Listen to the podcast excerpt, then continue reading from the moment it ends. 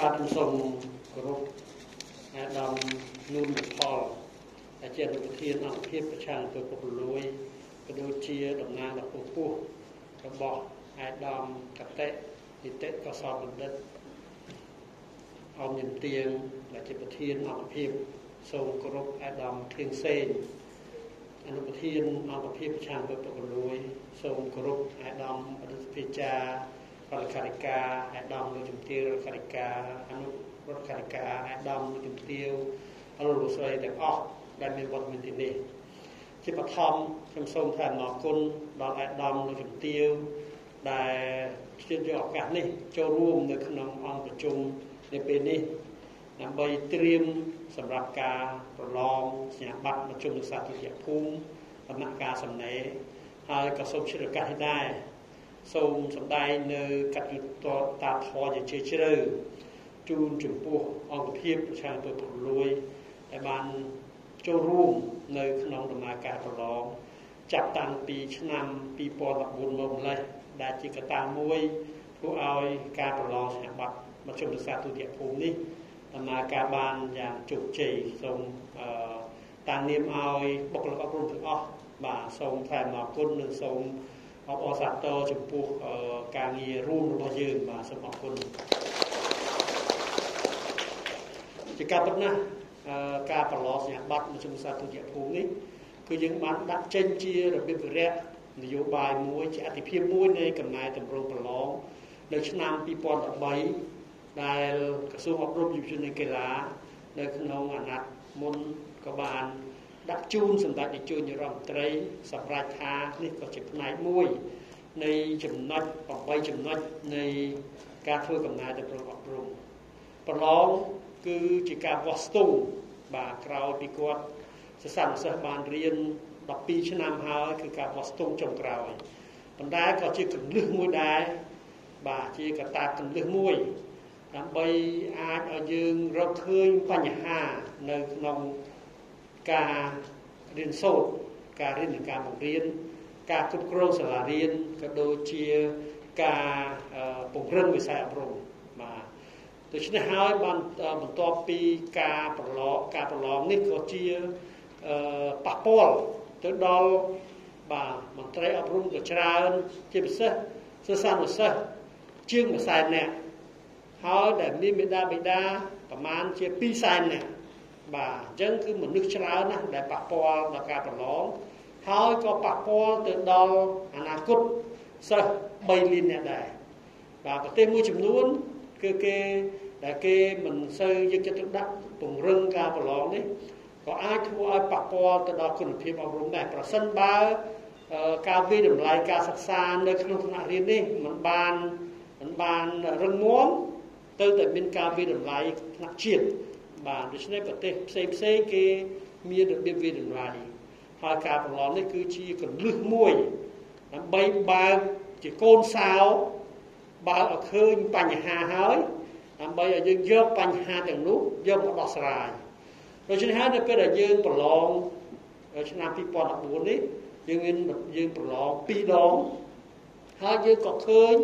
មានបញ្ហាមួយចំនួន ក៏យើងបានយកបញ្ហានៃការប្រឡងនេះបាទយកមកដោះស្រាយនៅឆ្នាំ2015ដើម្បីរៀបចំជាចក្ខុវិស័យនៃកំណែតម្រង់អប់រំដែលមានសសរស្តម្ភចំនួន5បាទដូច្នេះឆ្នាំដំបូងការចូលរួមរបស់អង្គភាពប្រឆាំងអំពើពុករលួយគឺជាឆ្នាំមួយដែលគឺថាគឺគឺជាកលឹះមួយដែលធានាបាននៅ ការប្រឡងមួយដែលប្រព្រឹត្តទៅដោយរលូនជាការពិតណាស់ការចូលរួមគឺមានការសំខាន់ណាស់វិស័យអប់រំធំបាទយើងមានបុគ្គលិកអប់រំជាង1សែននាក់បាទ130,000នាក់បើគិតទៅជាស្មើនឹង60%នៃមន្ត្រីមុខងារសាធារណៈហើយយើងមានសាលាជាង10000សាលាបាទដូច្នេះការគ្រប់គ្រងអប់រំនេះគឺធំហើយក៏មានហៅថាសកម្មភាពនឹងក៏ច្រើនទៀត បាទដូច្នេះប្រសិនបើដំណើរការមិនល្អមានបញ្ហា គឺធ្វើឲ្យប៉ះពាល់ដល់សង្គមហើយឈានទៅប៉ះពាល់ដល់ហៅថាអឺសម្ដាប់ធ្នាប់សាធារណៈដល់សម្ដាប់ធ្នាប់នយោបាយទៀតផងបាទដូច្នេះហើយបានជាការងារអប់រំនេះគឺជាការងារសំខាន់ដែលជាអនាគតរបស់ប្រទេសជាតិប្រសិនបើការអប់រំបាទមិនមានគុណភាព បាទយើងមិនអាចទៅអភិវឌ្ឍប្រទេសបានទេដូច្នេះហើយបានជាគុណភាពអប់រំគឺពឹងទៅលើដំណើរការរៀននិងការបង្រៀនហើយដំណើរការរៀននិងការបង្រៀនកលឹះក៏ពឹងផ្អែកទៅលើការវិតម្លៃហើយការប្រឡងនេះគឺជាការវិតម្លៃមួយក្នុងចំណោម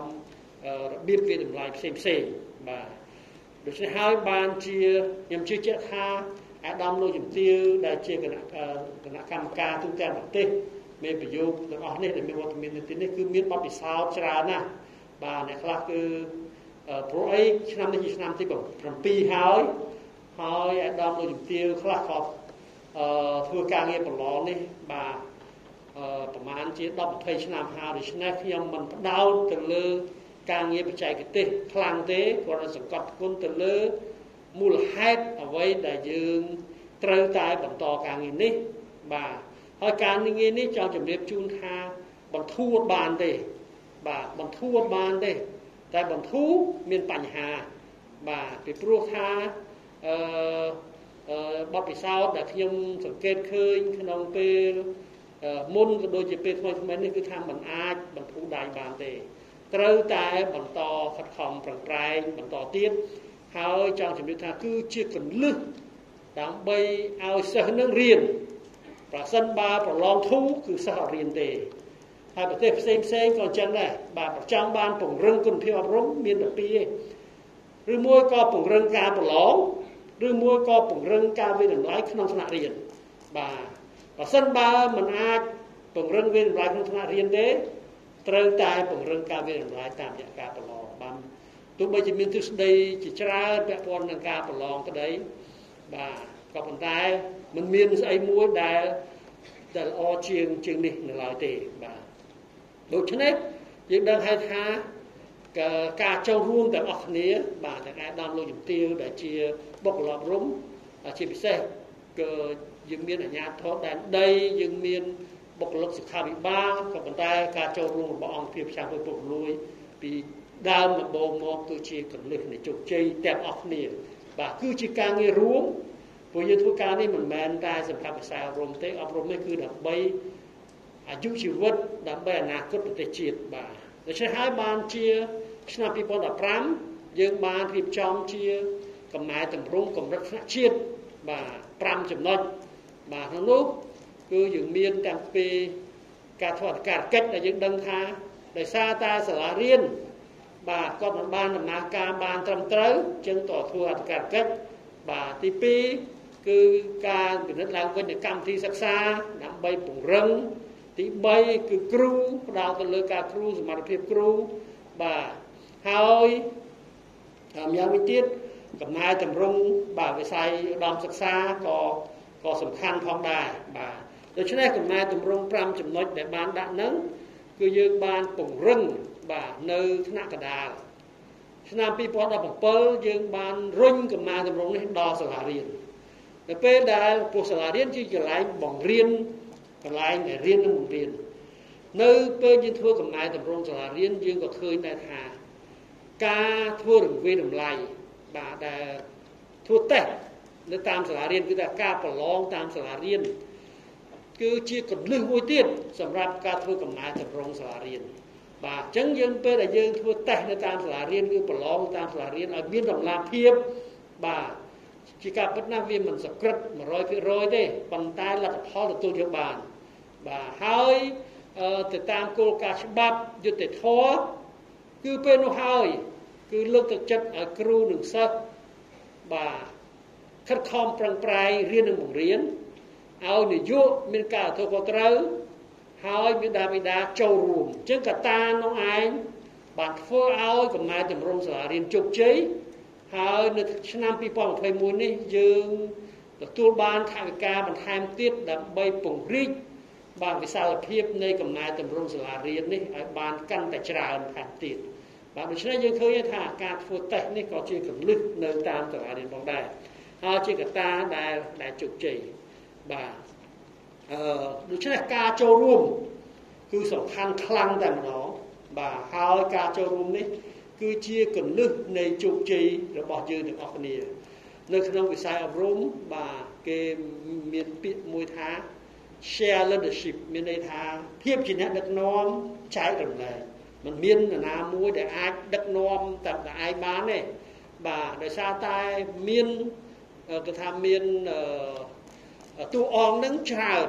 បាទទាំងគ្រូជាងមួយសែននាក់សិស្ស3លាននាក់មេដាបេដាអឺ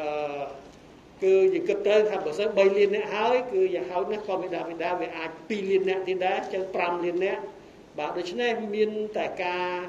ដឹកនាំតែចែករំលែកទេដែលអាចតែនេះបានជោគជ័យបាទហើយជាពិសេសទៅទៀតបាទឆ្នាំនេះគឺជាឆ្នាំពិសេសបាទគឺជាឆ្នាំពិសេសដោយសារតែយើងមានកូវីដបាទហើយក៏សូមជាឱកាសនេះដែរថ្លែងអំណរគុណដល់អាដាមលោកជំទាវលោកស្រីទាំងអស់គ្នា បាទដែលដែលដែលចូលរួមចំណែកនៅក្នុងការប្រយុទ្ធប្រឆាំងនឹងកូវីដនេះបាទអញ្ចឹងកូវីដក្នុងរយៈពេល2ឆ្នាំនេះគឺយើងធ្វើឲ្យមានការប្រែប្រួលហើយយើងក៏ក៏បានខិតខំប្រឹងប្រែងទាំងអស់គ្នាប្រយុទ្ធប្រឆាំងនឹងកូវីដហើយយើងក៏បានរៀនសូត្រផងដែរបាទហើយក៏សូមវិតម្រាច់ពូដែរតាមរយៈការចូលរួមតាមរយៈការគោរព នៅបទដ្ឋានកតិយុត្តដែលក្រសួងបានដាក់ចេញក៏ដូចជាសម្ដេចតេជោលោកបានដឹកនាំការងារនេះផ្ទាល់នេះគឺយើងទទួលបានជោគជ័យនៅក្នុងការប្រយុទ្ធប្រឆាំងនឹងកូវីដនេះហើយជារួមបាទដោយសារតែយើងបានចាត់តាំងនៅការធ្វើការងារអនឡាញការបង្រៀនអនឡាញក្តីធ្វើឲ្យយើងកាត់បន្ថយនៅផលប៉ះពាល់កូវីដនេះមកលើវិស័យអប់រំមកលើអាយុជីវិតរបស់មន្ត្រីអប់រំ បាទអញ្ចឹងអឺយើងមានបុគ្គលិកបាទ130,000នាក់ជាងមួយសែននាក់បាទប៉ុន្តែអ្នកដែលឈឺគ្រូដែលឈឺនេះមានមិនដល់2000នាក់ទេបាទអញ្ចឹងខ្ញុំចង់សួរថាអាយដាំលុយទៀនណាដែលឈឺខ្លះលើកដៃមើលបាទអមាន2នាក់បាទមាន2នាក់ទេបាទអញ្ចឹងចង់ជំរាបជូនថាមន្ត្រីអប់រំ ដែលកម្រិតប្រធានយុវដ្ឋាន និងប្រធានមន្ត្រីបាទមានតែ2 3នាក់ទេបាទដោយសារអីតែពិតមិនមែនជាកំហុសរបស់គាត់ទេគាត់អត់ហ៊ានចេញដើរទៅណាបងបាទប៉ុន្តែគាត់ទៅជួបអ្នកដែលដែលចេញដើរបាទនឹងបញ្ហានេះគឺគាត់ប្រយ័ត្នដែរបាទប៉ុន្តែក៏សូមជាឱកាសនេះដែរថ្លែងអំណរគុណដល់ប្រធានមន្ត្រីទាំងអស់បាទប្រធានមន្ត្រីអប់រំយុវជនកីឡានៅតាមខេត្តហ្នឹង គឺសកម្មមែនតើដោយសារអីសាលាយើងជាង500នាក់500សាលាធ្វើជាមជ្ឈមណ្ឌលចតុលិស័កជាកន្លែងព្យាបាលអញ្ចឹងមន្ត្រីអប់រំប្រធានមន្ត្រីនេះមិនមែនតែការងារអប់រំទេគឺការងារប្រយុទ្ធប្រឆាំងនឹងកូវីដទៅយាមទៅស្អីទៅស្អីអញ្ចឹងគាត់ប៉ះពាល់ដែរបាទប៉ុន្តែជាទាំងអស់គ្នាក៏សូមអបអរសាទរដែរដែលបានអត់មានពីណាមួយរងគ្រោះទេបាទថ្នាក់កដាលយើងមានតែ2នាក់ទេបាទ ហើយ2នាក់មានម្នាក់គាត់បាទគាត់មានជំងឺប្រចាំកាយអត់មកហើយដូចនៅឃើញនោះប៉ុន្តែយើងជួយបានទៀតបាទបាទជួយបានហ៊ានលើកដៃជួយបានទៀតអញ្ចឹងទទួលទូរស័ព្ទគាត់ខ្ញុំភ័យខ្ញុំភ័យជំនួសគាត់បាទអញ្ចឹងរកបាទអន្តរាគមទៅរុញគាត់ទៅពេទ្យបាទទៅពេទ្យរុស្ស៊ីចង់ជំរាបជូនថាពេទ្យយើងក៏ខ្លាំងដែរតែមកស្ទុះបានគាត់គ្រាន់បាឡើងវិញបាទអញ្ចឹង អឺទោះបីជាគាត់ថាមាននេះក្តីបាទអញ្ចឹងក៏មិនមែនជាកំហុសគាត់ទេខ្ញុំសួរថាអីអត់ចេញដើរទៅណាសោះក៏ហ៊ានចេញទេបាទហ៊ានចេញទេប៉ុន្តែវាទៅឆ្លងតាមក្រុមគ្រួសារបាទក៏នេះក៏ជាកត្តាមួយដែរដែលយើងត្រូវគិតបាទដូច្នេះហើយយើងឃើញថាមន្ត្រីអប់រំរបស់យើងច្រើនណាស់ប៉ុន្តែយើងការពារបាននេះក៏ជាមុតនភាពមួយដែរហើយក៏សូមថ្លែងអរគុណណាស់ដែលបានចូលរួម បាទអញ្ចឹងបើសិនជាយើងធ្វើប្រហែសបាទគឺច្បាស់ជាច្រើនជាងនេះហើយច្បាស់ជាមានបញ្ហាច្រើនដែលត្រូវដោះស្រាយបាទអញ្ចឹងហើយដោយសារតែនេះចង់ជំរាបជូនថាយើងមានមន្ត្រីយើងក៏ប្រហៀមជឿទៅលើទិន្នន័យចំពោះសិស្សអត់មានបញ្ហាទេគាត់ឈឺជាឈឺជាហ្នឹងបាទអត់ធ្វើមានបញ្ហាទេមាន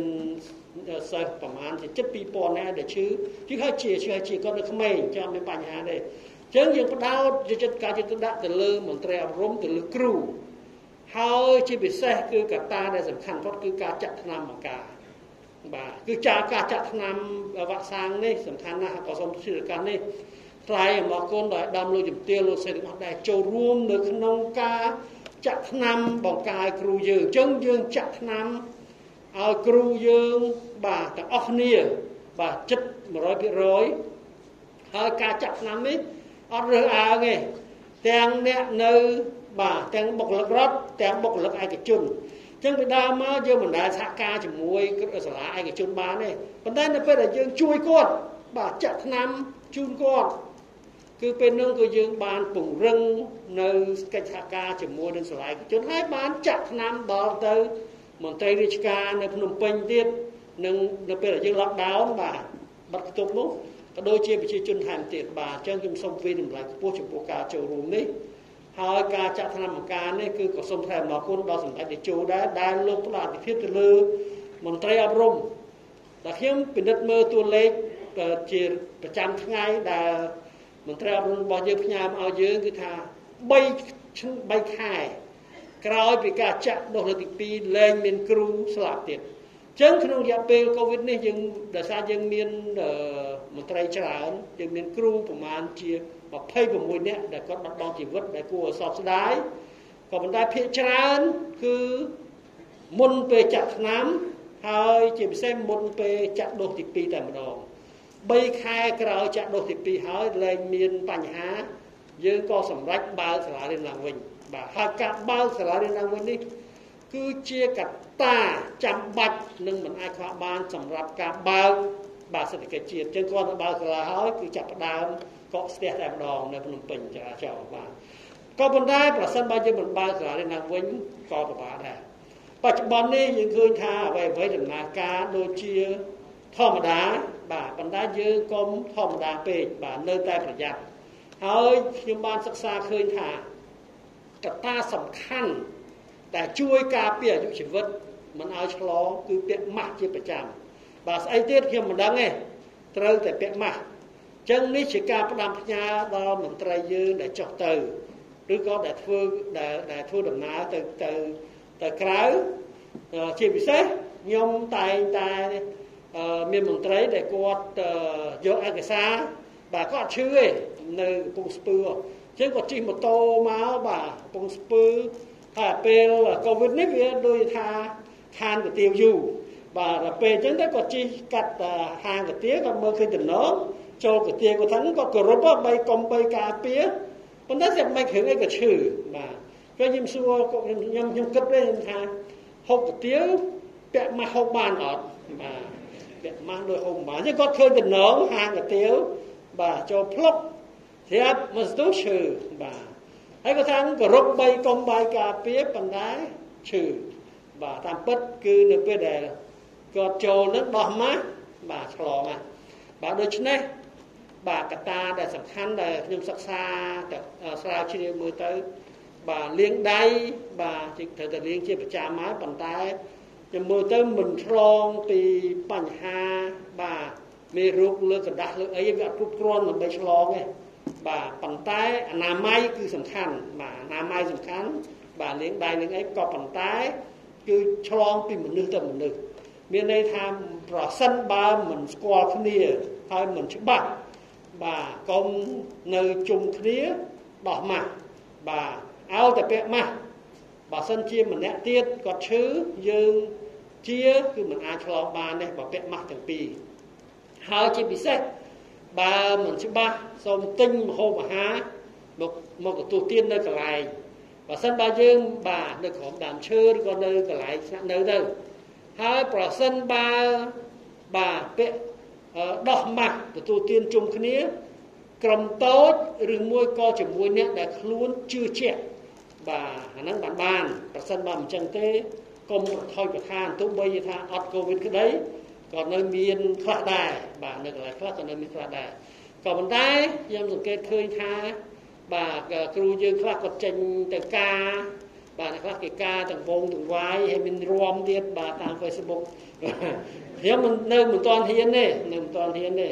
គឺហ៊ានត្រឹមចេញ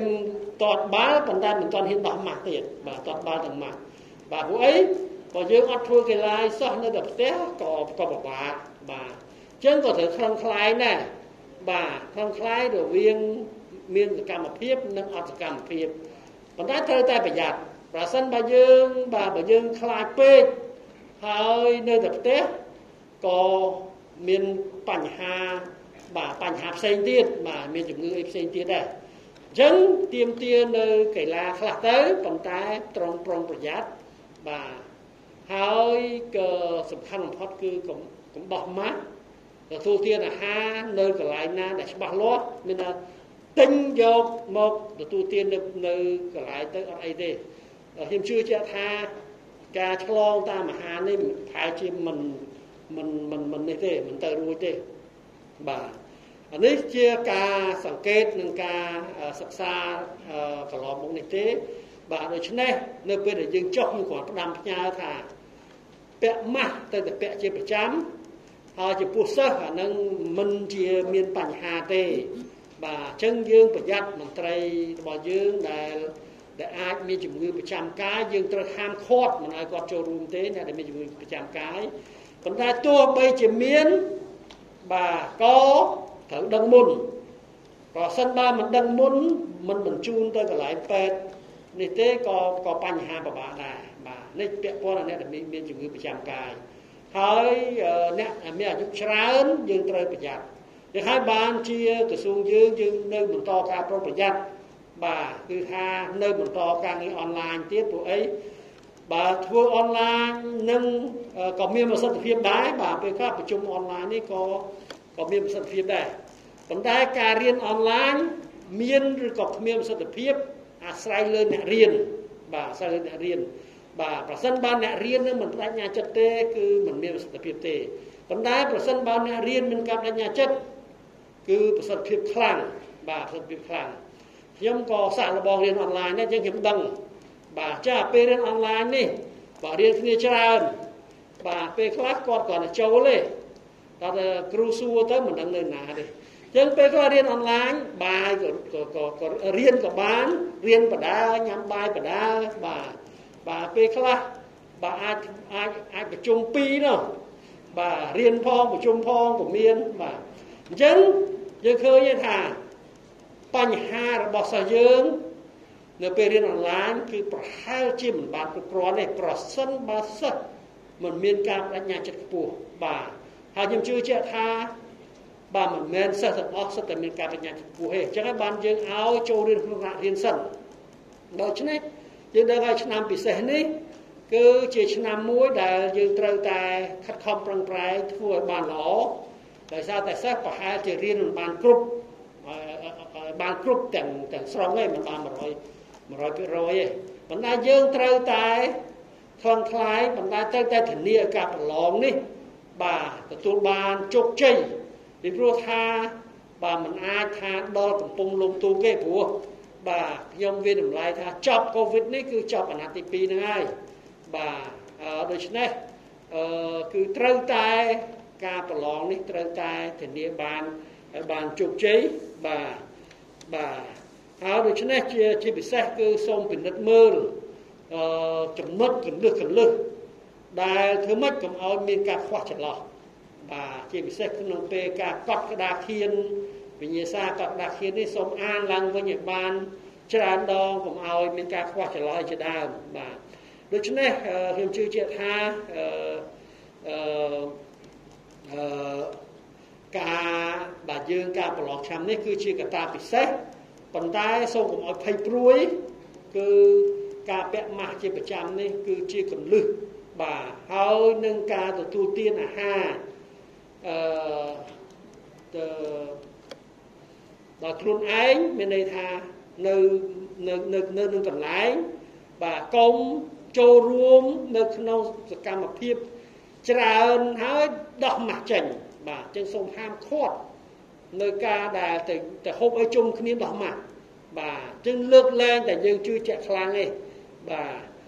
អាចថាការប្រឡងនេះគឺជាកន្លងថ្មីមួយទៀតបាទដែលយើងត្រូវតែសម្របសម្រួល ចឹងកន្លងមកនេះក៏យើងខំប្រឹងច្រើនណាស់នៅក្នុងការបង្រៀនអនឡាញការរៀបចំជាយន្តការហើយទទួលបានជោគជ័យ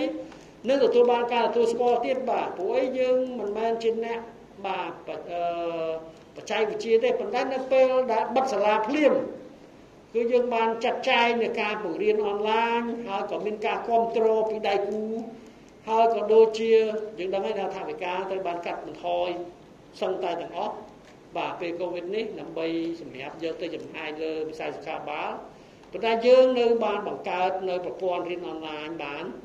បាទក៏ជាមោទនភាពមួយដែរហើយក៏យើងដំណើរការការងារក្រសួងតាមអនឡាញ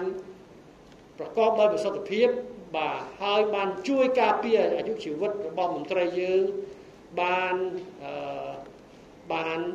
ហើយជាពិសេសគឺដំណើរការដូចធម្មតា ហើយត្បិតតែយើងធ្វើការអនឡាញប៉ុន្តែដំណើរការបានដូចធម្មតារួមទាំងចូលរួមនៅក្នុងការប្រយុទ្ធប្រឆាំងនឹងកូវីដជាមួយនឹងអាជ្ញាធរថែមទៀតបាទដូច្នេះខ្ញុំសូមអំពាវនាវថាឆ្នាំនេះជាឆ្នាំពិសេសហើយបន្តបាទពិសេសដោយថាយើងប្រឡងក្នុងបែបកន្លងថ្មីបាទ ប្រឡងអនឡាញក៏មិនមែនសក្រិតដែរបាទវាមានចំណុចខ្លាំងចំណុចខ្សោយហើយមានតែការប្រឡងនៅតាមមណ្ឌលនេះដែលល្អប្រសើរជាងប្រឡងអនឡាញបាទព្រោះឯប្រឡងអនឡាញក៏ក៏មានចំណុចខ្លាំងចំណុចខ្សោយដែរបាទនេះជាមូលហេតុដែលយើងមិនធ្វើប្រឡងអនឡាញបាទហើយសុខចិត្តប្រឡងនៅតាមមណ្ឌលនេះគឺដោយសារតែប្រឡងនៅក្នុងថ្នាក់រៀន បាទមានទោះបីជាមិនសក្រិត100%ក៏ប៉ុន្តែគឺមានឧត្តមភាពជាងការប្រឡងអនឡាញហើយក៏នឹងជួយចូលរួមចំណែកនឹងក្នុងការបាទពង្រឹងគុណភាពអប់រំក៏ដូចជានៅក្នុងការធានាបាននៅការរៀនការបង្រៀនមួយដែលមានគុណភាពដូច្នេះបាទនៅក្នុងដំណាក់កាលថ្មីមួយទៀតបាទយើងចូលទៅក្នុងដំណាក់កាលថ្មី ដំណាក់កាលទី3នៃការកំណែតម្រង់ការប្រឡងគឺការពង្រឹងសមត្ថភាពនិងការកសាងប្រព័ន្ធអប់រំមួយឲ្យបានរឹងមាំឲ្យឆ្លើយតបទៅនឹងចក្ខុវិស័យរបស់សម្ដេចតេជោយុរមន្ត្រីតែលោកបាទដាក់ចេញនៅរបៀបវិរៈមួយគឺការបើកប្រទេសឡើងវិញបាទជាបណ្ដាបណ្ដាដែលប្រុងប្រយ័ត្នការបើកសេដ្ឋកិច្ចឡើងវិញនិងការបន្តការអភិវឌ្ឍសេដ្ឋកិច្ចជាតិ បាទដូច្នេះបាទយើងនៅតែបាទនៅតែត្រូវតែបន្តខិតខំប្រឹងប្រែងតាក់ទាញអ្នកវិនិយោគពីព្រោះថាក្នុងរយៈពេលនេះគឺយើងធ្វើបិទតែយើងនៅផ្ទះនឹងធ្វើការអនឡាញបាទយើងនៅទទួលប្រាក់បៀវត្សដូច្នេះប្រសិនបើមិនបើកសេដ្ឋកិច្ចឡើងវិញ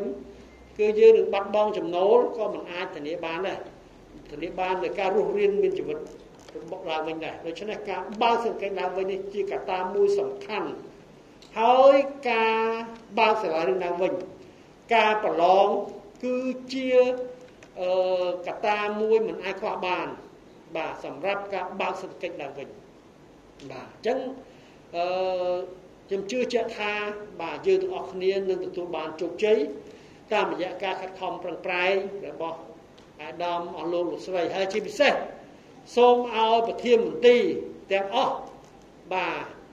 ត្រូវតែជាចន្ទុលនៃការចាត់ចែងការងារនេះដោយសហការជាមួយនឹងអាជ្ញាធរខេត្តក្រុងជាមួយនឹងអង្គភាពផ្សារពុទ្ធពុករលួយ និងជាមួយនឹងប្រធានមណ្ឌលទាំងអស់បាទអញ្ចឹងសូមប្រជុំប្រធានមន្ត្រីជាមួយនឹងគណៈមេប្រយុទ្ធទាំងប្រទេសបាទដែលយើងអាចបាទដំណើរការទាំងអនឡាញផងទាំងទៅដល់កន្លែងផងបាទហើយជាពិសេសគឺសូមផ្ដាំផ្ញើដល់ប្រធានមន្ត្រី សូមប្រជុំជាមួយនឹងប្រធានមណ្ឌលដើម្បីធានាឲ្យបាននៅការប្រឡងនេះ បានល្អអញ្ចឹងកុំទម្លាក់ស្តង់ដាបាទមានន័យថាត្រូវការពារខ្សែក្រវ៉ាត់ឲ្យបាន បាទខ្សែក្រវ៉ាត់ខ្សែក្រវ៉ាត់ប្រឡងឲ្យបានហើយដូចខ្ញុំដូចខ្ញុំបញ្ជាក់អញ្ចឹងត្រូវតែយល់ឲ្យច្បាស់ពីកូវីដដើម្បីអាចយើងការពារបានអញ្ចឹងកុំឲ្យភ័យបាទប៉ុន្តែត្រូវតែប្រុងប្រយ័ត្ន បាទប្រសិនបើយើងភ័យហើយយើងមិនដឹងហើយយើងមិនប្រុងប្រយ័ត្នគឺអត់កើតទេបាទប្រុងប្រយ័ត្ននេះគឺតាសំខាន់គឺពាក់ម៉ាស់ហើយតែលាងដៃតែប៉ុណ្្នឹងឯងសូមផ្ដាំផ្ញើធ្វើម៉េចកុំឲ្យភ្លេចរឿងម៉ាស់ហើយលាងដៃហើយកុំឲ្យភ្លេចថាឯងឃើញកាទៀវដូចដំណងចូលភ្លុកដោះម៉ាស់ហើយប្រាប់ថា3កុំ3ការពារអញ្ចឹងខ្ញុំខ្ញុំមើលរបាយការណ៍ថា3កុំ3ការហូបប្រទៀងពាក់ម៉ាស់មិនកើតមិនអញ្ចឹងបាទអញ្ចឹងមានតែប៉ុណ្ណឹងទេ ហើយទៅដោះម៉ាស់ចេញហើយអាហ្នឹងមិនធានាទេបាទយើងអត់ធានាទេអឺប៉ុន្តែគូបញ្ជាក់ថាការចាក់វ៉ាក់សាំងនេះកាត់បន្ថយការចម្លងបាន12ដងបាទនឹងតាមការសិក្សាមានន័យថាទោះបីជាយើងបាទបានចាក់វ៉ាក់សាំង2ដូសហើយដល់3ដូសផងមិនតែរបស់យើងមិនចឹងគឺអាចកាត់បន្ថយការចម្លងបាន12ដង12ដងច្រើនណាបាទបើយើងគិតពីស្ថិតិ មានន័យថាទោះបីជាយើងឆ្លងក្តីក៏យើងមិនមិនមិនចម្លងទៅអ្នកផ្សេងដែរបាទហើយអឺទោះបីគេគេឆ្លងក៏មិនងាយនឹងទទួលអ្នកដែលយើងបានចាក់អញ្ចឹងយើងមានប្រព័ន្ធការពាររួចស្រេចហើយប៉ុន្តែក៏ពាក់មានន័យថាប្រព័ន្ធការពារទី1ខ្សែក្រវ៉ាត់ទី1នេះគឺការចាក់វ៉ាក់សាំងខ្សែក្រវ៉ាត់ទី2នេះគឺការពាក់ម៉ាស់ បាទខ្សែក្រវ៉ាត់ទី3គឺការលាងដៃបាទលាងដៃនេះអនាម័យសំខាន់ណាស់អញ្ចឹងគេគេយើងសង្កេតឃើញថាអ្នកដែលឈឺនឹងភាគច្រើនគឺទី1គាត់អត់អនាម័យហើយទៅអត់អនាម័យហើយអត់ពាក់ម៉ាស់ហើយបាទអញ្ចឹងវាតកតងគ្នាហើយអញ្ចឹងភាគច្រើនអ្នកឈឺនឹងគឺអត់អនាម័យអត់ពាក់ម៉ាស់ដូច្នេះយើងសង្កេតមើលឃើញអ្នកឈឺអញ្ចឹងហើយមួយទៀតគឺទុកចិត្តអ្នកផ្សេងបាទយើងទុកចិត្តគេហើយ ប៉ុន្តែនៅក្នុងក្រុមគ្រួសារឬក៏នៅក្នុងក្រុមមួយដែលយើងដើរជាមួយនឹងមានអ្នកផ្សេងដែលគាត់មិនដែលធ្វើប្រហែលហ្នឹងបាទអាហ្នឹងក៏ឆ្លងតាមហ្នឹងបាទអញ្ចឹងមិនមែនថាអ្នកឈឺនេះក៏អនាម័យទេក៏មានអនាម័យប៉ុន្តែក៏ទុកចិត្តគេអញ្ចឹងវាមានកត្តាមួយចំនួនក៏ទុកចិត្តគេហើយគេហ្នឹងក៏មិនសូវនេះចឹងធ្វើឲ្យមានការឆ្លងតគ្នាបាទដូច្នេះខ្ញុំសូមថាបូកសរុបឡើងវិញសូមអរគុណចំពោះ ការចូលរួមការប្រឡងហើយសូមអរគុណចំពោះការចូលរួមការប្រយុទ្ធប្រឆាំងនឹងកូវីដហើយដែលយើងអាចជោគជ័យដែលយើងគឺថាសុខសប្បាយទាំងអស់គ្នានេះគឺដោយសារយើងមានវិន័យយើងគោរពតាមបទបញ្ញត្តិដែលយើងបានដាក់ចេញហើយយើងត្រូវតែបន្តការងារនេះទៀតបាទហើយចំពោះការងារលំអិតសូមមើលខ្លួនឯងទៅ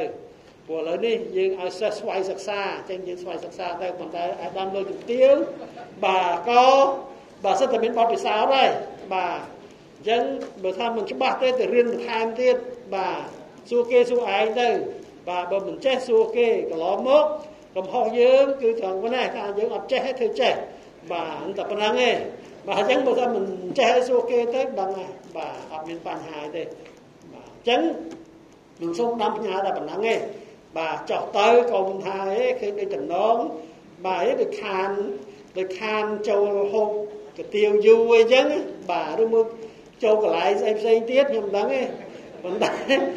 ដោះមកហើយអានោះគឺមានបញ្ហាហើយបាទ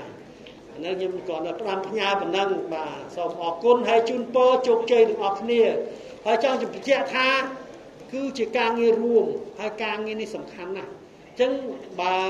បើវិស័យអប់រំនេះគឺសំខាន់ជាងគេបាទបើអប់រំធ្លាក់ហើយគឺมันអាចមានប្រទេសនឹងมันអាចទៅទៅណារួចបានទេបាទអញ្ចឹងជូនពរសុខភាពល្អនិងជោគជ័យនៅក្នុងការងារបាទសូមអរគុណសូមគោរពថ្លែងអំណរគុណឲ្យអាដាមបដិជាចាររដ្ឋមន្ត្រី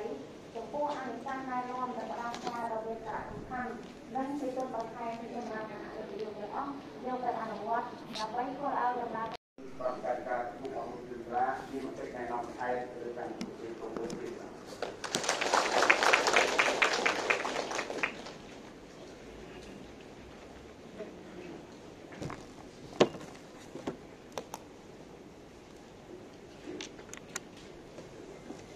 សូមអរគុណជាបឋមបាទសូមគោរពឲ្យតាម ពិចារណាត្រូវជាធានអង្គជុំឲ្យដំទាវលោកសិលសាបចំនឹងការណែនាំបច្ចេកទេសរបស់នាយកដ្ឋានជំនាញខ្ញុំសូមចូលរួមចំនួន3ចំណុចមិនពេញបន្ថែមអ្វីដែលបានលើកហើយក៏ដូចជាអ្វីដែលមិនទាន់បានលើកប៉ុន្តែដោយខាងជំនាញបានជម្រាបជូនហើយថាសេចក្តីណែនាំពុស្សនាគឺមានជាលក្ខស រចឹងសូមមេត្តាអានបន្ថែមទៀតចំណុចទី1ខ្ញុំបាទសូមជម្រាបជូនអំពីការបិទឈ្មោះបេក្ខជនឆ្នាំនេះគឺជាករណីពិសេសដោយឡែកក្នុងបរិបទ COVID-19 ចឹងបេក្ខជនបានទៅមើលឈ្មោះតាំងពីថ្ងៃទី20 20មែនទេយើង24បាន4ថ្ងៃហើយគឺបិទឈ្មោះតាម អក្ខរក្រមតាមមណ្ឌលតាមថ្នាក់វិទ្យាសាស្ត្រវិទ្យាសាស្ត្រសង្គមចឹងបេក្ខជនដឹងហើយខ្លួននៅមណ្ឌលណាដោយឡែកនៅថ្ងៃទី6 26 26ខែធ្នូឆ្នាំ2021បេក្ខជនត្រូវតែមិនមែនមើលថ្ងៃ20ហើយរួចទេត្រូវតែទៅមើលម្ដងទៀត ដែលជាកាតព្វកិច្ចចុងក្រោយទី1គឺទៅមើលដើម្បីដឹងបន្ទុកតាម20រហូតមកដល់បច្ចុប្បន្ននេះបញ្ជីឈ្មោះនៅបាត់រួមនៅនឹងអត់ទាន់បោះចោលទេប៉ុន្តែមិនទាន់បានប្រាប់នៅបន្ទុកទេប៉ុន្តែជាទូទៅក្នុងឆ្នាំនេះបេក្ខជនមានភាពងាយស្រួលមិនមានភាពកកកុញប្រជ្រៀតគ្នាទេដោយសារគាត់ដឹងថាគាត់នៅមណ្ឌលណារួចហើយឧទាហរណ៍ ដូចនៅភ្នំពេញហ្នឹងគាត់ដឹងថាគាត់នៅធំមកគាត់ដឹងថាគាត់នៅបាក់ទូលាក់នឹងលាក់គឺគាត់ដឹងហើយនៅខេត្តក៏ចឹងដែរមាន3មណ្ឌលឬ5មណ្ឌលគាត់ដឹងហើយគាត់នៅមណ្ឌលណាអញ្ចឹងថ្ងៃទី26នេះគាត់ទៅមើលឡើងវិញម្ដងទៀតដើម្បីបញ្ជាក់អំពីបន្ទប់របស់គាត់បន្ទប់លេខ1ឬបន្ទប់លេខ2ហើយនឹងមើលអំពីទីតាំងបន្ទប់ បាទគាត់ដល់ថ្ងៃ27អត់មានអីជួលច្បល់ដើរមើលទៀតទេគឺបានន័យថាថ្ងៃ26នេះគឺត្រូវមើលហើយគណៈកម្មការដែលយើងហៅថាក្រុមការងារសុខភាពប្រចាំមណ្ឌលសំណេរដោយមានការគ្រប់គ្រងពីជំនួយការប្រមាណនឹងវាស់កម្ដៅទៀតដើម្បីបិទសញ្ញាសម្គាល់ដូចយើងមកព្រឹកមិញហ្នឹង យើងមកព្រឹកមិញហ្នឹងសិតតែល្អហើយគេបិទហ្នឹងគឺបានន័យថាកម្ដៅយើងធម្មតាកម្ដៅយើងធម្មតាបានគេបិទឲ្យនេះមកកម្ដៅធម្មតាគេអត់ឲ្យចូលនេះជាចំណុចដែលខ្ញុំសូមជម្រាបឬចំណុចទី1ចំណុចទី2គឺគ្រាន់តែរំលឹកឡើងវិញការងារនេះវាដំណើរការជារៀងរាល់ឆ្នាំ អំពីការប្រើប្រាស់ឧបករណ៍អេឡិចត្រូនិកនិងសំណៅផ្សេងផ្សេងអញ្ចឹងមាន3ទីតាំងដែលយើងត្រូវកំណត់ឲ្យបានច្បាស់ទី1គឺនៅមុខខ្លងទ្វារណាខ្លងទ្វារសាលាហ្នឹងកំណត់ឲ្យដាច់បើមានសូមឲ្យយកចេញឧបករណ៍អេឡិចត្រូនិកគ្រប់ប្រភេទឧបករណ៍អេឡិចត្រូនិកគ្រប់ប្រភេទណា រួមទាំងនាឡិកាដៃដែលជាអេឡិចត្រូនិកបាទហ្នឹងត្រូវមិនឲ្យចូលចូលក្នុងទេបាទនៅខ្លងទ្វាររបូតពីខ្លងទ្វារទៅរបូតពីខ្លងទ្វារទៅដល់ប្រការណាមួយទៅដល់មាត់ទ្វារបន្ទប់មួយសាទៀតពេលដែលហៅឈ្មោះចូលម្ដងមួយម្ដងមួយអានឹងបញ្ជាក់ម្ដងទៀតបើសិនបើមានសូមមេត្តា យកចេញគ្រប់បេក្ខជនទាំងអស់ទាំងឧបករណ៍អេឡិចត្រូនិកទាំងសំណៅផ្សេងផ្សេងហើយនឹងលើកចុងក្រោយដែលយើងត្រូវបញ្ជាក់គឺនៅពេលដែលកត់ពវិញ្ញាសាមានពីរប្រភេទមានកត់លើក្តារខៀនមួយប្រភេទមួយប្រភេទទៀតគឺយើងចែកបើសិនវិញ្ញាសាត្រូវកត់នៅលើក្តារខៀនគឺយើងប្រាប់បេក្ខជនបើមាន ឧបករណ៍អេឡិចត្រូនិកឬឯកសារវិញ្ញាសាយកចូលគឺសូមយកចេញមកខាងក្រៅយកមកបកគលឲ្យអនុរិយមុនដែលអនុរិយចែកប្រធានវិញ្ញាសាប្រាប់នៅពេលណាចាប់ផ្ដើមកត់ប្រធានវិញ្ញាសា នៅពេលណាចែកប្រធានវិញ្ញាសាប្រសិនបើអនុរិយរកឃើញឬ អ្នកត្រួតពិនិត្យអាគាររកឃើញឬអបមាទរកឃើញឬជំនួយការអបមាទរកឃើញគឺត្រូវដកហើយធ្លាក់ជាស្វ័យប្រវត្តិហ្នឹងប្រាប់គាត់ហើយហើយកុំថាហើយកុំឲ្យមានការដោះសារថាខ្ញុំយកចូលមែនប៉ុន្តែអត់បានប្រើទេ សំណៅដែលខ្ញុំយកនោះខុសទេណាអត់ត្រូវផងណាអត់និយាយចឹងបានទេអត់មាននិយាយថាអត់ប្រើអត់មាននិយាយថាយើងយកនោះខុសទេណាអត់មាននិយាយរឿងខុសឬអត់បានប្រើទេនេះគឺគេមានចែងរួចហើយអញ្ចឹងដើម្បីកុំឲ្យបងប្អូនក្មួយក្មួយជាបេក្ខជនហ្នឹងគាត់ពុំបានដឹងអញ្ចឹងយើងត្រូវបញ្ជាក់ប្រាប់ហើយ ហើយត្រូវសរសេរហើយនឹងបិទនៅព្រឹកថ្ងៃទី26ខែធ្នូឲ្យបេក្ខជនបានដឹងទាំងអស់នេះចំណុចទី2ហើយរួមទាំងគណៈមេប្រយោគយើងក៏ដូចគ្នាដែរគណៈមេប្រយោគយើងមិនសិតតែមានសិទ្ធប្រើទូរស័ព្ទឬឧបករណ៍អេឡិចត្រូនិកទេបាទគេមានមុខសញ្ញាដែលត្រូវប្រើមុខសញ្ញាដែលមិនត្រូវប្រើដូច្នេះ កុំប្រើសោះហើយនឹងចំណុចទី3ខ្ញុំគាត់តែសរុបនៅចំណុចទី1ទី2ទេគប្បីបំពេញការងារអ្វីដែលសេចក្តីណែនាំអនុញ្ញាតឲ្យធ្វើហើយមិនគប្បីធ្វើនៅអ្វីដែលសេចក្តីណែនាំឬក៏នៅក្នុងថ្ងៃនេះអាដាមរដ្ឋាភិបាលរដ្ឋមន្ត្រីឬខាង ជំនាញបានណែនាំទេ ក្នុងករណីដែលយើងចង់បំពេញការងារឬចាំបាច់ត្រូវធ្វើអ្វីដែលគេអត់មានចែងត្រូវសុំការអនុញ្ញាតត្រូវសុំការអនុញ្ញាតអញ្ចឹងជាសង្ខេបមកអ្វីដែលអនុញ្ញាតឲ្យធ្វើសុំធ្វើអ្វីដែលមិនអនុញ្ញាតឲ្យធ្វើសុំកុំធ្វើហើយបើត្រូវការធ្វើត្រូវសុំការអនុញ្ញាតនេះខ្ញុំសូម ចូលរួមទៅប៉ុណ្ណេះហើយនៅក្នុងឆ្នាំនេះមានករណីពិសេសផ្សេងផ្សេងទៀតដែលនៅក្នុងសក្តីណែនាំខ្ញុំគ្រាន់តែលើកមួយទេគឺឆ្នាំនេះប្រសិនបើមានបេក្ខជនហ្នឹងមានកូវីដ19ថាប្រមកទៅយើងមើលទៅឃើញអញ្ចឹងវាត្រូវដាក់ដោយឡែកឬដោយប្រការណាមួយហ្នឹងឬកម្ដៅឡើងត្រូវតែដាក់ដោយឡែកបាទ ហើយសម្លឹកកិច្ចការរបស់បេក្ខជនអត់មានដាក់ចូលគេទេបាទគេមានថងគេច្រកដោយឡែកដើម្បីយកមកកែហ្នឹងដោយឡែកកែពិសេសទៀតអញ្ចឹងសូមមើលលក្ខណៈពិសេសមួយចំនួនណានោះនៅក្នុងបរិបទកូវីដនេះមានរឿងដែលពិសេសនោះគឺរឿងពិសេសទៅកូវីដទេបាទដូចយើងពាក់ម៉ាស់អញ្ចឹងប្រឡងរាល់ឆ្នាំរហូតដល់2019ដល់ពាក់ម៉ាស់ទេបាទឥឡូវនេះ ត្រូវតែពាក់ម៉ាស់បាទទាំងបេក្ខជនទាំងគណៈវិយោគបើមិនពាក់ម៉ាស់គឺខុសប៉ុនមិនមែនមិនពាក់ម៉ាស់ឲ្យបន្ទុកសូត្រទេបាទនឹងត្រូវតែណែនាំចឹងហើយបាននៅតាមមណ្ឌលគឺមានម៉ាស់បំរុងក្នុងករណីដែលបេក្ខជនមិនមានគឺត្រូវតែឲ្យម៉ាស់គាត់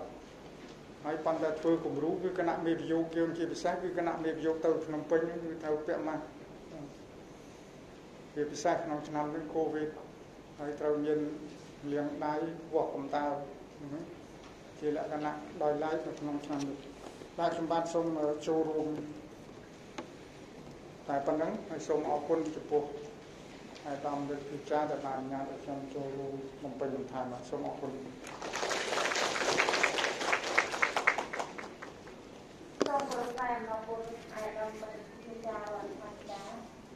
ប ទបញ្ញត្តិនិងកម្រិតវិន័យចំពោះបេក្ខជននៅក្នុងការប្រឡងសញ្ញាបត្រមធ្យមសិក្សាទុតិយភូមិសម័យប្រឡងថ្ងៃទី27ខែធ្នូឆ្នាំ2021ប្រកាសដែលបេក្ខជនត្រូវអនុវត្តមានដូចខាងក្រោមត្រូវធ្វើស្វ័យប្រកាសចំពោះបេក្ខជន ដែលបានប៉ះពាល់ផ្ទាល់ជាមួយអ្នកវិជ្ជមាន COVID-19 និងស្ថិតនៅក្នុងកំឡុងពេលធ្វើចាក់តាឡេសាក់យ៉ាងតិចមួយថ្ងៃមុនដំណើរការសំណេរត្រូវមកទទួលការវាស់ស្ទង់កម្ដៅនិងត្រួតពិនិត្យសុខភាព នៅតាមមណ្ឌលសំណេរនីមួយៗនៅថ្ងៃទី26ខែធ្នូឆ្នាំ2021ត្រូវធ្វើតេស្តរោគអង់ទីហ្សែនមេរោគ COVID-19 ចំពោះបេក្ខជន ដែលបានប៉ះពាល់ផ្ទាល់ជាមួយអ្នកវិជ្ជមាន COVID-19 និងស្ថិតនៅក្នុងកំឡុងពេលធ្វើចាក់តាឡេសានិងបេក្ខជនមានកម្ដៅលើសពី37.5អង្សាសេឬមានរោគសញ្ញាផ្សេងផ្សេងដូចជាក្អកហៀសម្បោរឈឺបំពង់កពិបាកដកដង្ហើម នៅទីតាំងសុខាភិបាលដែលកំណត់ដោយអាជ្ញាធរដែនដីរាជធានីខេត្តនិងត្រូវយកលិខិតបញ្ជាក់បេក្ខជនអវិជ្ជមាន COVID-19 ពីភ្នាក់ងារសុខាភិបាលមកបង្ហាញនៅមណ្ឌលប្រឡងឡើងវិញដើម្បីទទួលបានការអនុញ្ញាតឲ្យចូលប្រឡងត្រូវមកដល់មណ្ឌលប្រឡងឲ្យបានមុនដំណើរការប្រឡងនិងត្រូវមកដល់មណ្ឌលប្រឡងឲ្យបានមុនបេក្ខជនទូទៅចំពោះបេក្ខជនដែលស្ថិតនៅក្នុងកំឡុងពេលធ្វើចាក់តាឡេសាក់ដើម្បីទទួលបាននូវការស្ទង់កម្ដៅ និងឆែកឆេរសំណៅឯកសារមុនគេនិងដាច់ដោយឡែកពីគេត្រូវស្លៀកពាក់ឯកសណ្ឋានសិស្សដោយប្រើអាវពណ៌ស និងខោសំពត់ពណ៌ខៀវឬខ្មៅ ដាក់ក្នុងខោឬសំពត់ឲ្យបានត្រឹមត្រូវត្រូវមានបានសម្គាល់ខ្លួនថ្នាក់ទី12ដែលមានបិទរូបថតថ្មី និងមានចុះហត្ថលេខានាយកនាយិកាឲ្យបានត្រឹមត្រូវច្បាស់លាស់ចំពោះបេក្ខជនចំណេះទូទៅ និងបេក្ខជនបំពេញវិជ្ជាចំពោះបេក្ខជនស្វ័យរិនចំណេះទូទៅ និងបេក្ខជនស្វ័យរិនបំពេញវិជ្ជា ត្រូវយកសលកប័ត្រឯកតជនឬបានសម្គាល់ខ្លួនសិស្សដែលចេញដោយមន្ទីរអប់រំយុវជននិងកីឡារាជធានីខេត្តត្រូវបង្ហាញស្ទីគ័រពណ៌ខៀវកម្ដៅធម្មតាដែលភ្នាក់ងារសុខាភិបាលដែលបិទលើអត្តសញ្ញាណបេក្ខជនបានសម្គាល់ខ្លួនសិស្សឬស្លាកប័ណ្ណឯកតជននៅក្នុងពេលស្ទង់កម្ដៅនិងត្រួតពិនិត្យសុខភាពនៅតាមមណ្ឌលសំណេរនីមួយៗត្រូវយកចូលក្នុងបន្ទប់ប្រឡងនៅសម្ភារៈប្រើប្រាស់ ដែលក្រសួងអប់រំយុវជននិងកីឡាអនុញ្ញាតឲ្យប្រើ ដូចជាប៊ិចខៀវខ្មៅដៃបន្ទាត់ដែកឈានរ៉ាប៉ាទ័រនិងសម្ភារៈអនាម័យដូចជាម៉ាស់អាកុលឬជែលលាងដៃសម្រាប់ប្រើប្រាស់ផ្ទាល់ខ្លួននៅពេលដំណើរការប្រឡងត្រូវពាក់ម៉ាស់ឲ្យបានត្រឹមត្រូវជាប្រចាំនៅក្នុងមណ្ឌលប្រឡងរក្សាគម្លាតយ៉ាងតិច1ម៉ែត្រកន្លះនិងហាមឃាត់ការប៉ះពាល់គ្នាដោយផ្ទាល់ដូចជាការចាប់ដៃឬប្រើប្រាស់របស់របររួមគ្នា ត្រូវអនុវត្តការរក្សាអនាម័យឲ្យបានត្រឹមត្រូវពិសេសត្រូវលាងសម្អាតដៃរៀងរាល់ពេលសម្រាកនិងជៀសវាងយកដៃប៉ះទៅលើផ្ទៃមុខត្រូវឆាប់ជួបពិគ្រោះយោបល់ជាមួយនឹងមន្ត្រីសុខាភិបាលប្រចាំការនៅតាមមណ្ឌលប្រឡងក្នុងករណីមានបញ្ហាសុខភាពដូចជាឡើងកម្ដៅឬមានរោគសញ្ញាផ្សេងផ្សេងដូចជាក្អកហៀសម្បោរឈឺបំពង់កពិបាកដកដង្ហើមជាដើម ត្រូវអនុវត្តតាមការណែនាំរបស់គណៈមេប្រយោគនិងអ្នកមានសមត្ថកិច្ចថែរក្សាសន្តិភាពធ្នាប់នៅក្នុងការដកហូតសំណៅឯកសារនិងសម្ភារៈផ្សេងផ្សេងដែលក្រសួងមិនអនុញ្ញាតឲ្យយកចូលនៅក្នុងមណ្ឌលប្រឡងឬបន្ទប់ប្រឡងត្រូវគោរពតាមការណែនាំរបស់អនុរិយដូចជាអង្គុយឲ្យចំតាមលេខតុដែលអនុរិយបានបង្ហាញបំពេញលើក្បាលសញ្ញាកិច្ចការដែលអនុរិយបានចែកឲ្យប្រគល់សញ្ញាកិច្ចការជូនអនុរិយវិញ ពេលដល់ម៉ោងទោះបីកិច្ចការនោះបានធ្វើឬពុំបានធ្វើក៏ដោយត្រូវរក្សាសន្តិភាពធ្នាប់របៀបរៀបរយនៃការប្រឡងនិងត្រូវគោរពឲ្យបានត្រឹមត្រូវនៅបទបញ្ញត្តិនៃការប្រឡងជំពូកទី3ប្រការដែលបេក្ខជនមិនត្រូវអនុវត្តប្រការ5ក្នុងដំណើរការប្រឡងសញ្ញាបត្រមធ្យមសិក្សាទុតិយភូមិប្រការដែលបេក្ខជនមិនត្រូវអនុវត្តមានដូចខាងក្រោមមិនត្រូវមកមណ្ឌលប្រឡងក្រោយជួងទី2 មិនត្រូវស្លៀកពាក់ឯកសណ្ឋានកងកម្លាំងប្រដាប់អាវុធនៅក្នុងមណ្ឌលប្រឡងមិនត្រូវយកសិភៅនិងសំណៅឯកសារគ្រប់រូបភាពចូលក្នុងមណ្ឌលប្រឡងមិនត្រូវយកចូលក្នុងមណ្ឌលប្រឡងឬបន្ទប់ប្រឡងនៅអាវុធជាតិផ្ទុះទូរស័ព្ទដៃឧបករណ៍អេឡិចត្រូនិកគ្រប់ប្រភេទសៀវភៅសំណៅឯកសារប្រដាប់គិតលេខនាឡិកាដៃដែលមានប្រដាប់គិតលេខកាតាបកាបូបយួរដៃថង់សម្ពាធកញ្ចប់ផ្សេងផ្សេងនិងទឹកលុបពណ៌ស មិនត្រូវចូលក្នុងបន្ទប់ប្រឡងមុនពេលអនុរិយហៅឈ្មោះមិនត្រូវប្រើពាក្យសម្ដីឬអាកប្បកិរិយាមិនសមរម្យនៅក្នុងមណ្ឌលប្រឡងឬបង្កចំនួននៅក្នុងមណ្ឌលប្រឡងឬក្នុងបន្ទប់ប្រឡងដោយគំរាមកំហែងលើបេក្ខជនដទៃមិនត្រូវបដិសេធប្រឆាំងតបតឬបង្កបាតុភិបដោយពាក្យសម្ដីដោយកាយវិការចំពោះអ្នកត្រួតពិនិត្យរបស់អ្នកមានសមត្ថកិច្ចឬមេប្រយោគនៅក្នុងការពិនិត្យស្រាវជ្រាវឬរកសំណៅឯកសារនិងសម្ភារៈផ្សេងផ្សេង ដែលត្រូវហាមឃាត់មិនឲ្យយកចូលនៅក្នុងមណ្ឌលប្រឡងមិនត្រូវធ្វើចម្លើយវិញ្ញាសានៅលើសัญลักษณ์កិច្ចការណាដែលគ្មានហត្ថលេខារបស់អនុរិយមិនត្រូវចម្លងប្រធានវិញ្ញាសាចូលនៅក្នុងក្រដាស់ដតីមិនត្រូវបោះប្រធានវិញ្ញាសាចេញក្រៅបន្ទប់ប្រឡងឡើយមិនត្រូវងើបឈរឬងាកឆ្វេងងាកស្ដាំអើតឈ្ងោកទៅលើបែរទៅក្រោយឬដើរចេញពីកន្លែងអង្គុយដោយគ្មានការអនុញ្ញាតពីអនុរិយ មិនត្រូវសរសេរកិច្ចការហើយអានខ្លាំងខ្លាំងឬដល់អ្នកចិត្តខាងឬឆក់អូសទាញយកសัญลักษณ์កិច្ចការរបស់អ្នកដតីដាក់ពីមុខឬដាក់ពីក្រោយសัญลักษณ์កិច្ចការរបស់ខ្លួនឡើយមិនត្រូវបដូរគ្នានៅសัญลักษณ์កិច្ចការឬក្រដាស់ព្រៀង ឬផ្ទៀងផ្ទាត់ចម្លើយឬចម្លងគ្នានិងមិនត្រូវដាក់សញ្ញាកិច្ចការឆ្ងាយពីមុខរបស់ខ្លួន បង្កឲ្យអ្នកដទៃមើលឬអូសឆក់យកបាន មិនត្រូវធ្វើសញ្ញាសម្គាល់លើសញ្ញាកិច្ចការដើម្បីធ្វើឲ្យគេស្គាល់អគុណដ្ឋានរបស់ខ្លួនដូចជាសរសេរអក្សរប្លែកពីតួអក្សរទាំងអស់នៅក្នុងកិច្ចការធ្វើសញ្ញាផ្សេងផ្សេងឬគូសបន្ទាត់ខុសប្រក្រតីឬសំណេររំលងបន្ទាត់ជាដើមមិនត្រូវលាក់ឬហែកសញ្ញាកិច្ចការរបស់ខ្លួន និងមិនត្រូវលាក់ឬហែកសញ្ញាកិច្ចការរបស់អ្នកដទៃមិនត្រូវបំផ្លាញឬធ្វើឲ្យខូចខាតសម្ភារៈក្នុងបន្ទប់ប្រឡងដូចជាដោះទ្វារបង្អួចធ្វើឲ្យរបើកជញ្ជាំង ក្តារធ្វើឲ្យបែកតុកៅអីឬក្តារខៀនជាដើមមិនត្រូវឲ្យអ្នកដតីប្រឡងជំនួសឬសរសេរបំពេញបន្ថែមលើសញ្ញាកិច្ចការរបស់ខ្លួនជាដាច់ខាតមិនត្រូវប្រើពាក្យសម្ដីនិងអាកប្បកិរិយាដែលនាំឲ្យខូចសណ្ដាប់ធ្នាប់របៀបរៀបរយនៃការប្រឡងឬធ្វើឲ្យប៉ះពាល់ដល់កិត្តិយសរបស់គណៈមេប្រយោគជំពូកទី4កម្រិតវិន័យនៅក្នុងការទប់ស្កាត់សកម្មភាពមិនប្រក្រតីសម្រាប់បេក្ខជន ផ្នែកទី1សកម្មភាព មានបំណងលួចចម្លង និងកម្រិតវិន័យ ប្រការ6បេក្ខជនដែលបានប្រព្រឹត្តសកម្មភាពដូចជា មានបំណងលួចចម្លង សកម្មភាពលួចចម្លង និងសកម្មភាពដែលធ្វើឲ្យខូចខាតសណ្ដាប់ធ្នាប់របៀបរៀបរយនៃការប្រឡងនិងប៉ះពាល់កិត្តិយសគណៈមេប្រយោគនឹងត្រូវទទួលទណ្ឌកម្មខាងវិន័យតាមកម្រិតសកម្មភាពដែលបានប្រព្រឹត្តប្រការ7បេក្ខជនដែលមានសកម្មភាពដូចខាងក្រោមត្រូវបានកំណត់ថាមានបំណងលួចចម្លងលាក់ជាប់នឹងខ្លួននៅសិភៅឯកសារ ឬសំណៅឯកសារឬទូរស័ព្ទឬឧបករណ៍អេឡិចត្រូនិកគ្រប់ប្រភេទកម្រិតវិន័យចំពោះសកម្មភាពមានបំណងលួចចម្លងបេក្ខជនដែលបានប្រព្រឹត្តសកម្មភាពដោយបានកំណត់ក្នុងប្រការនេះត្រូវចាត់ទុកថាមានបំណងលួចចម្លងនិងមិនអនុញ្ញាតឲ្យចូលប្រឡងជាដាច់ខាតហើយត្រូវបានកំណត់ឲ្យធ្លាក់ លើកលែងតែបេក្ខជននោះប្រគល់រាល់សិភៅឯកសារឬសំណៅឯកសារឲ្យគណៈមេប្រយោគមុនចូលមណ្ឌលប្រឡងឬបន្ទប់ប្រឡងហើយគណៈមេប្រយោគពុំទទួលខុសត្រូវរាល់ការបាត់បង់ឡើយផ្នែកទី2សកម្មភាពលួចចម្លង និងកម្រិតវិន័យប្រការ8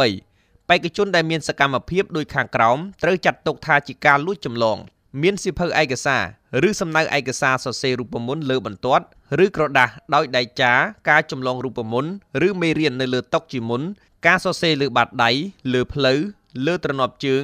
និងកន្សែងជូតតុនៅក្នុងបន្ទប់ប្រឡងចម្លងសំណៅឯកសារពីអ្នកដតីឬយកកិច្ចការអ្នកដតីមកដាក់នៅកន្លែងដែលខ្លួនអង្គុយអឺតមើលសัญลักษณ์កិច្ចការអ្នកដតីប្រើប្រាស់ទូរស័ព្ទឬឧបករណ៍អេឡិចត្រូនិកគ្រប់ប្រភេទនៅក្នុងបន្ទប់ប្រឡង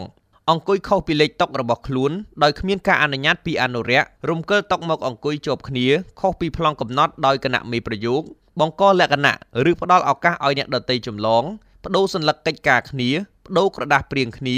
ឬផ្ទៀងផ្ទាត់ចម្លើយគ្នាចម្លងគ្នាជាក់ស្ដែងកម្រិតវិន័យចំពោះសកម្មភាពលួចចម្លង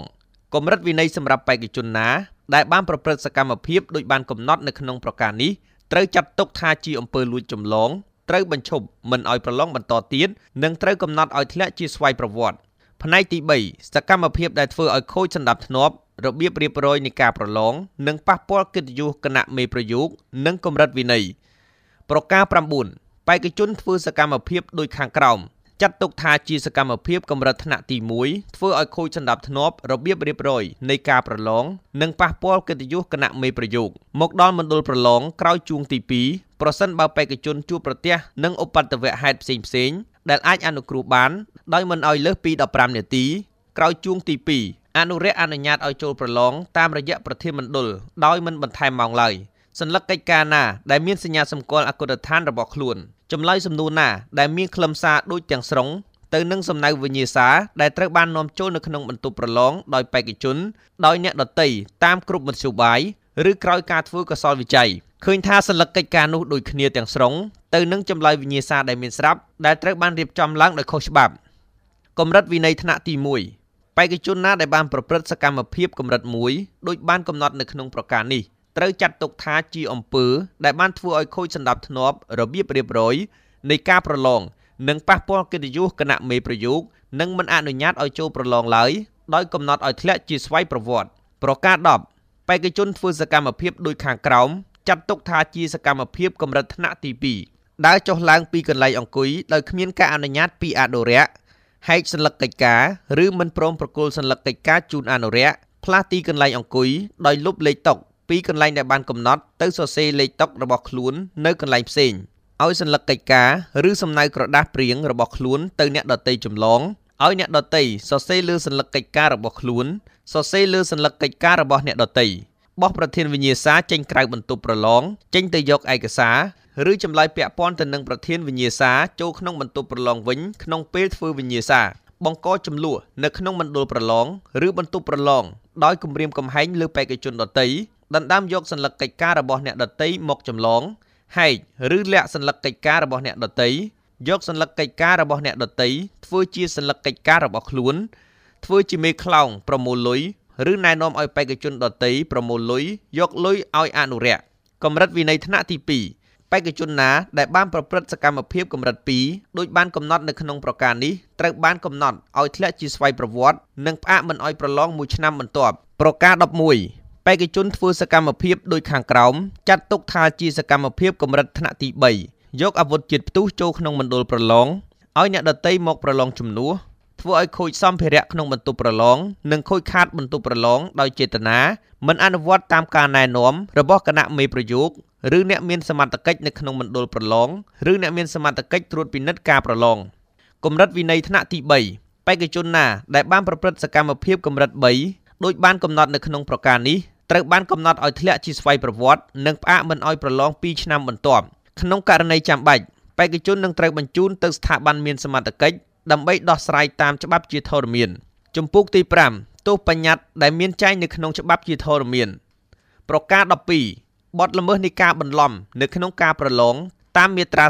49នៃច្បាប់ស្តីពីការអប់រំចែងថាសម័យខ្លួន ឬជនណាដែលប្រឡងជំនួសឬបន្លំគ្រប់រូបភាពនៅក្នុងការប្រឡងដោយបានបញ្ញត្តិនៅក្នុងមាត្រា26នៃច្បាប់នេះត្រូវទទួលពិន័យអន្តរការជាប្រាក់ពី1លានរៀលទៅ5លានរៀលករណីមិនរៀងចាលសម័យខ្លួនត្រូវទទួលពិន័យអន្តរការជាប្រាក់ចំនួនទ្វេដងនៃប្រាក់ពិន័យអន្តរការខាងលើ